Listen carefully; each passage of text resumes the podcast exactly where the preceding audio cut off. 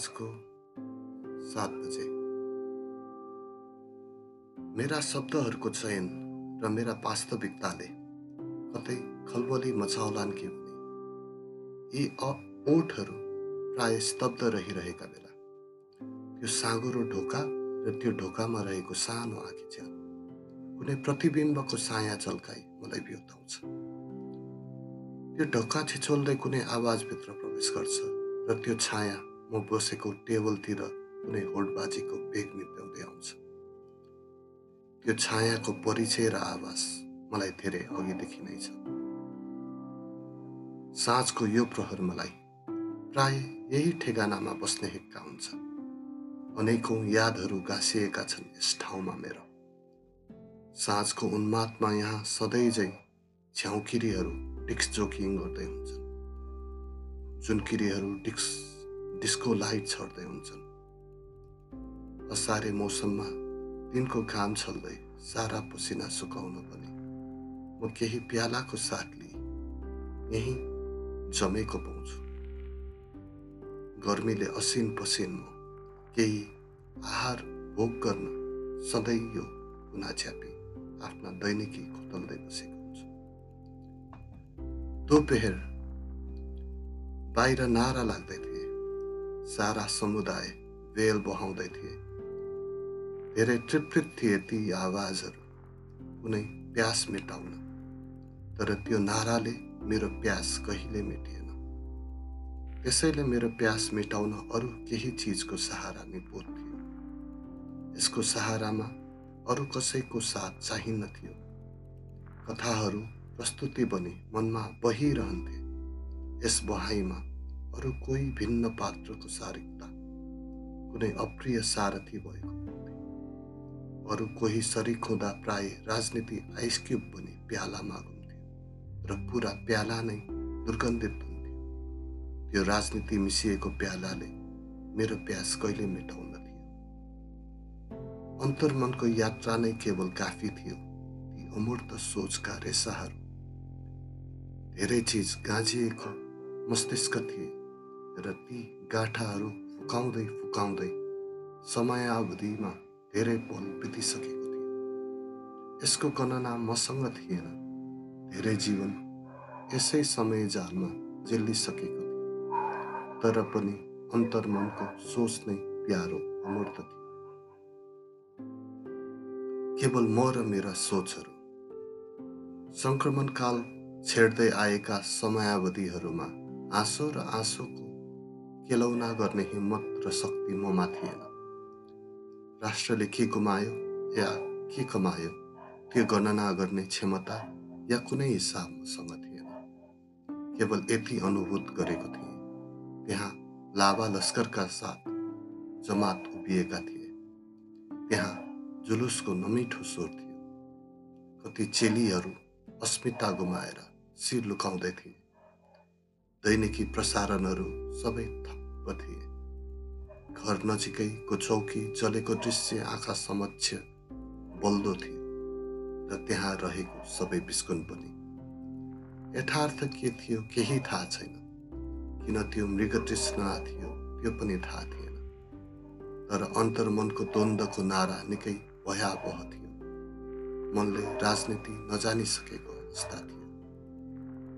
त्यो साया अझै गतिशील हुँदै मेरो टेबलमा नै आइठोकियो दाई आज त गोली नै चल्यो। आन्दोलनकारीहरूले एम्बुस हालिसकेका रहेछन्। एक टोली नारा लगाउँदै प्रशासनलाई घुमाउँदै थिए। अर्कोतर्फ चक्रव्यूह रचिसकेका रहेछन्। निकै जवानहरूको शेष कुहिने अवस्थामा छ। लाल सलामको नारा निकै गुन्जिएको छ। थाहा छैन अझै के के पो हुने हो कुन्नी यी शब्द बरबराउँदै अगाडि घप्टिरहेको कुर्सी पछाडि तानेर मेरा मित्र मेरो सामुन्य आयो उपस्थित भए। दिदी खोइ एक बट्टा सूर्य लाइट एउटा खाली ग्लास र एक प्लेट कुहुरे त? भाइचाराको अन्त्येष्टिदेखि आएका मित्र केही हडबड हडबडाहट र डरमा रहेको महसुस भइरहेको थियो। सुख दुःखको क्षणमा हामी सधैँ यही स्थलमा घुमिरहेको पाइन्थ्यो बाहिर शामको अन्धकारले प्रकृति मोलाएको थियो। जुनेलीको प्रकाश केही थिएन। क्षितिजबारी केही तारा जगमगाइरहेका थिए र अन्धकारले पराकाष्ठ नागेको थियो। त्यो ट्युबलाइटको प्रकाशमा हामी बाल सखाहरू केही बिर्सन खोज्दै थियौँ। आजको दैनिकी हामी मेटाउने कोसिस गर्दै थियौँ। अनि रातको त्यो बखत पनि बाहिर भाले बाँच्दै कुनै अनिष्ट निम्ताउँदैछ यो अलक्षिणी। साथी फतफताउँदै थियो। म उसको मानसिकता निहाल्दै थिएँ।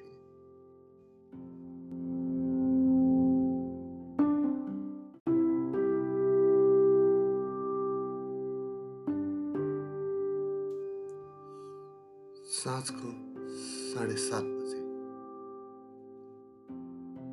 साँझको बत्तीमा फरफराउँदै ती पुतलीहरू कुनै झरीलाई निम्ताउँदै थिए। असारे झरीको लागि बादल संयुक्त भई जोर जोर साथ पड्किन थालेका थिए तर हावाको बेग अझै ठुलो गतिशील थियो सायद बादल उडाएर लगेछ क्यारे। तर जुनेलीको प्रकाश र शीतलतामा भने शीतलता भने अवश्य थिएन। केवल कालो थियो। हावाको गतिले बादल गन्तव्यहीन भएका थिए। एक्कासी आकाश चकमन्न छायो। साँझले श्वास लिन छोड्यो। अनि ममा निराशा बाँकी केहीको रहेन। केवल यति अनुभूति थियो साँझ अँध्यारो रातमा परिणत हुँदैछ। दैनिकीहरू यसरी नै तुहिँदा रहेछन्। मृत्यु सैयामा नलडेसम्म दुःख सुखको अनुभूति नै यही होला सायद तर मलाई थाहा छ कुनै दुःख सुखले पनि केही निम्त्याउन केवल भोगाइले निम्ताउँछ सायद पानीले शीतलता दिन्थ्यो तर अहिले आकाश उजागर छन् हरेक तारा आकाशमा देखिएको आवाज छ। त्यसको स्मृति छ र अड्कलबाजी छ तर क्षितिज पारी। धरातल यति प्रष्ट हुन्थ्यो त सायद मानिस जीवन किन भनिन्थ्यो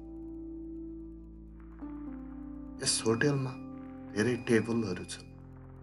साँझको बेला धेरै व्यस्त हुने यस स्थल कसैको लागि धार्मिक स्नान कोहीलाई बौद्धिक ज्ञान कोहीलाई परमधाम भई प्रस्तुत भई बहकाइरहन्छ जीवन रूपी जीवन रूपी अमृतको गुटकोले तृप्त हुन नसकेका सबैलाई यस स्थलले कुनै भेदभाव नगरी स्वीकार गरेको छ। एउटा आश्रय स्थल बनेको छ यो होटेल। र दैनिकी बिर्साउन यहाँ सबै जमेका छन्। कोही यहाँ पीडा बिसाउन आउँछन् र कोही घृणा।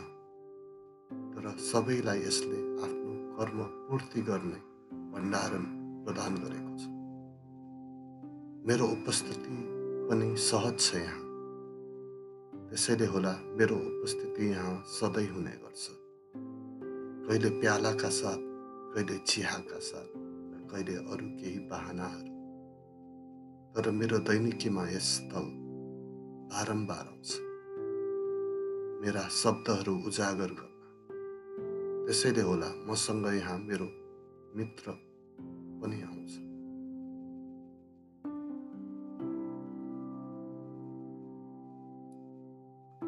उसलाई पनि उसको दैनिकी खोतल्नु छ र बिर्सिनु छ। ऊ एउटै समय आउँछ हर दिन रात पनि आउँछ। मलाई जस्तै उसलाई पनि उसको महत्त्वकाङ्क्षी योजना पुरा नभएकोमा विस्मय आदि जनाउनु छ। उसलाई म जस्तै एकान्तमा आफ्ना पाइलाहरू खेलाउनु छ। उसलाई पनि प्यालाहरूमा डुबेका रसमा आफ्नो बिलौनाहरू सेलाउनु छ। तर रात एकदम कालो छ। यस्तै रातहरू हुन् जो सधैँ मलाई डरको भुमरीमा टोहोराइराख्छ रातहरू सधैँ सुनसान छन्। दिवा आवाज गुन गुन्जाउँछन्। तर रात शान्त छ। जब मनमा डर सिर्जना हुन्छ शान्त वातावरण पनि अब प्यारिलो लाग्छ र भए जन्माउँछ। कल्पनाको पात्रभन्दा भिन्न मेरो मित्र हृदय असामान्य छ। सानोदेखि नै मनमा दुःख सुख छुटाउन सक्ने क्षमता केवल उसले मात्रै पाएको देख्दा म निकै अचम्मित हुन्छु।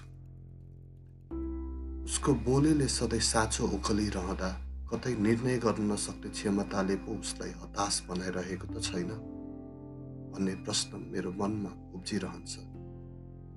तर जेसुकै वाक्य बोलिरहँदा पनि उसका वाच्यहरूले अन्तर्मनको बोध गराउँछ। त्यो कटु सत्य हामी सबैमा निहित हुन्छ। तर केवल हामी यसरी हाम्रा मनमा लेप लगाउँछौँ कि हाम्रो अस्तित्व नै लेपवान हुन्छ। पात्रहरूको सम्मिश्रण नै जीवनको भोगाई हो। हिजोको परिकल्पनामा आज निकै भिन्न वास्तविकता भेटेको मेरो मित्रको गुनासो यति छ केवल। देशले आर्थिक क्रान्ति गर्यो भन्ने नारा भाषणमा सुन्दा सधैँ मुस्कुराउँछ। उसका विकासी नजरमा अर्थतन्त्रको विकास आर्थिक क्रान्ति नभए जीवनको गुणस्तर र जैविक साधारणताको सम्भावना उजागर उजागर गर्न सके कति हितैषी समाजको सिर्जना हुन्थ्यो भन्ने छ। त्यसैले होला उसले उसका जीवनका पात्र र त्यसको सम्मिश्रणलाई बढी महत्त्व दिन्छ। हृदय दाई। मानिस जीवन साँच्चै नै धूर्त छ। जीवनको मोलभन्दा पनि यहाँ जिउनुको मोल पर्दछ त्यसैले होला सानातिना स्वार्थमा झुलेर जीवन कता बहन्छ बहन्छ पत्तै नपाए। भावना बढार्दै बोलेका यी बोलीहरूमा के कस्ता मिसावट छन् मलाई थाहा छैन तर जीवन सधैँ नै धूर्त छ भन्ने मैले नै आभास नगरेको हृदय थाहा छ दाइ कुकुरले पहिला सिनो खान छोड्यो त्यसपछि त्यो पशुमा माया पलाउन थाल्यो। थाहा छ दाइ कुकुरले पहिला सिनो खान छोड्यो त्यसपछि त्यो पशुमा माया पलाउन थाल्यो रे। र त्यो सामाजिक पशु भएर चिनिने होडमा जङ्गल छोड्यो र समाजभित्र उसले आफ्नो स्थान पायो। ऊ हेर्नुहोस् त। ढोका बाहिर बसेको कालीलाई औँलाउँदै यो रङ्ग अन्धोलाई न मेरो रूपको मतलब छ न केहीको। मलाई देख्दा यसले कालो छाया देख्छ तर कति समझदार छ। आफ्नो ठाउँ पहिचानेको छ। र भोकलाई पाल्न सक्ने क्षमता हुर्काएको छ। तर हामी आफ्नो भोकको बहाना गरी कसैलाई मार्न पनि पछि हट्दैनौँ। पशुहरू समय सामाजिक हुन थालिसके तर मान्छे किन यति जङ्गली सबै दृष्टान्त खुलाउँदै खुलाउने हो भने ती पाँच महायोद्धा र उनका एक श्रीमती के को कमी थियो र तर पनि सबै छोडेर स्वर्गको खोजीमा हिँडेका थिए। मानिसलाई भोकले नै बिगारेको हो। कहिले सत्ताको लोभ र कहिले जिउनुको भोक। ती सबै भोक पूर्ण भइसकेपछि पनि यात्रा त गतिशील नै रहँदो रहेछ।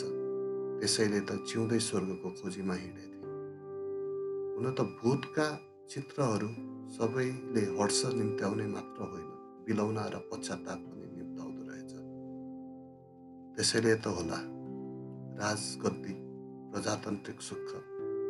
विलासीपन छोडी पुनः भिक्षु जस्तै सारा आए आर्जित धन छोडी जीवनको गन्तव्य पहिलाउन निस्किनु पर्यो गोत्र नाशको वियोगमा। सारा जाए जेथा छोडी किन बित्थामा जिउँदै स्वर्गको अनुभूति खोज्न हिँड्थे र पश्चातापमा त हो। अनि यो पशु? कहाँबाट त्यो खोजको अपरिहार्य पात्र हुन? त्यो केही नहुँदाको स्थितिमा केवल यो पशुले साथ दियो जबकि मर्न भने हिँडेका थिए। र त्यही खाल्डोमा यो पनि पुरी नगएको थियो बाटो देखाउँदै। कति चोक हो यसको माया हेर्नुहोस् त दाई। केही नमाग्ने केवल माया माग्ने। अनि मायाको लागि यो सबै छोडेर मर्न जान पनि तयार। त्यही निस्वार्थ मायाको कारणले नै। यसले त्यो स्वर्गमा सबैभन्दा पहिलो स्थान पाएको नत्र त पाँचजनाले स्वर्गमा नमरी स्थान कहाँ पाएर स्वयं धर्म रक्षक कहलिएकाले पनि यो पशुले द्वार खोलेपछि मात्र भित्र जान पाए। हुन त यहीसँग अर्को एउटा पशुले नै जङ्गल त छोडेकै हो नि? ऊ हेर्नुहोस् त। छेउको भित्तामा टाँसिएको बिरौला बिरालोको बच्चाको एउटा चित्र देखाउँदै। यसलाई पनि खाँचो त थिएन होला जङ्गल छोड्ने। तर साथै साथ छोड्यो। तर अझै पनि यसमा जङ्गलको कानुन यथावत छ। अझ पनि शिकारमा निपुण प्रखर यसले तब मात्र गर्छ जब यो भोको छ। नत्र शान्त भएर सामाजिक प्राणी सरह। कुम्भकर्ण चाहिँ सुति बस्छ। उसले मलाई केही सन्दर्भ बुझाउने कोसिस गर्छ। हृदेश हृदेश परिकल्पनाको पात्रभन्दा मिठो छ। उसको दोष केवल यति छ कि ऊ भावुक छ निश्चल मन खुला प्रकृति वाद विहोल सहानुभूति माया ममता यी सबै गुणको पराकाष्ठा उसमा निहित त्यसैले ऊ दुखी छ। दुःखको कारण यी यी पनि होलान् कि उसले सोचेको संसार र भोगेको संसारमा ठुलो भेद छ। ऊ छुट्याउन सक्दैन कि मानिस स्वार्थको अधीन छ कि स्वार्थको अधीनमा मनुष्य छ। उसले देखेको साँचो केवल एउटा छ र बारम्बार त्यही सत्यले नै उसलाई घचघचाउँछ र मानिस सबै आफ्नो सत्यलाई प्रमुख सत्य ठान्छन्। सत्य दुईतर्फे कसरी हुन्छ? यसको वेदान्त कोही जीवित संरचनासँग नहोला तर आफ्नो सत्यलाई नै क्रूर सत्य ठानी मानिसले त्यो सत्य दर्शन बनाएर हिँडेको हुन्छ र यही दर्शन शिरोधार्य गरी अघि बढेका हुन्छन्। यही वेदान्तको कसमो कसमा हृदय बढो सोच छ। उसको सोचको गणना उसँग नै छैन होला। कुनै बीज नरोपिएको उसको सोचको धरातल खोक्रो छ। तर त्यो सोचको हाँगा बिङ्गा खोतल्ने हो भने त्यो सोचको न त आकाश छ न त पाताल छ न धरती न गगन छ। कहिलेकाहीँ उसलाई देख्दा कि पागल भने छिछि दूर दूर गर्न मन मन लाग्छ कहिले हाँस्नु र कहिले अँगाल्नु। हृदय किन यस्तो छ मलाई नै थाहा छैन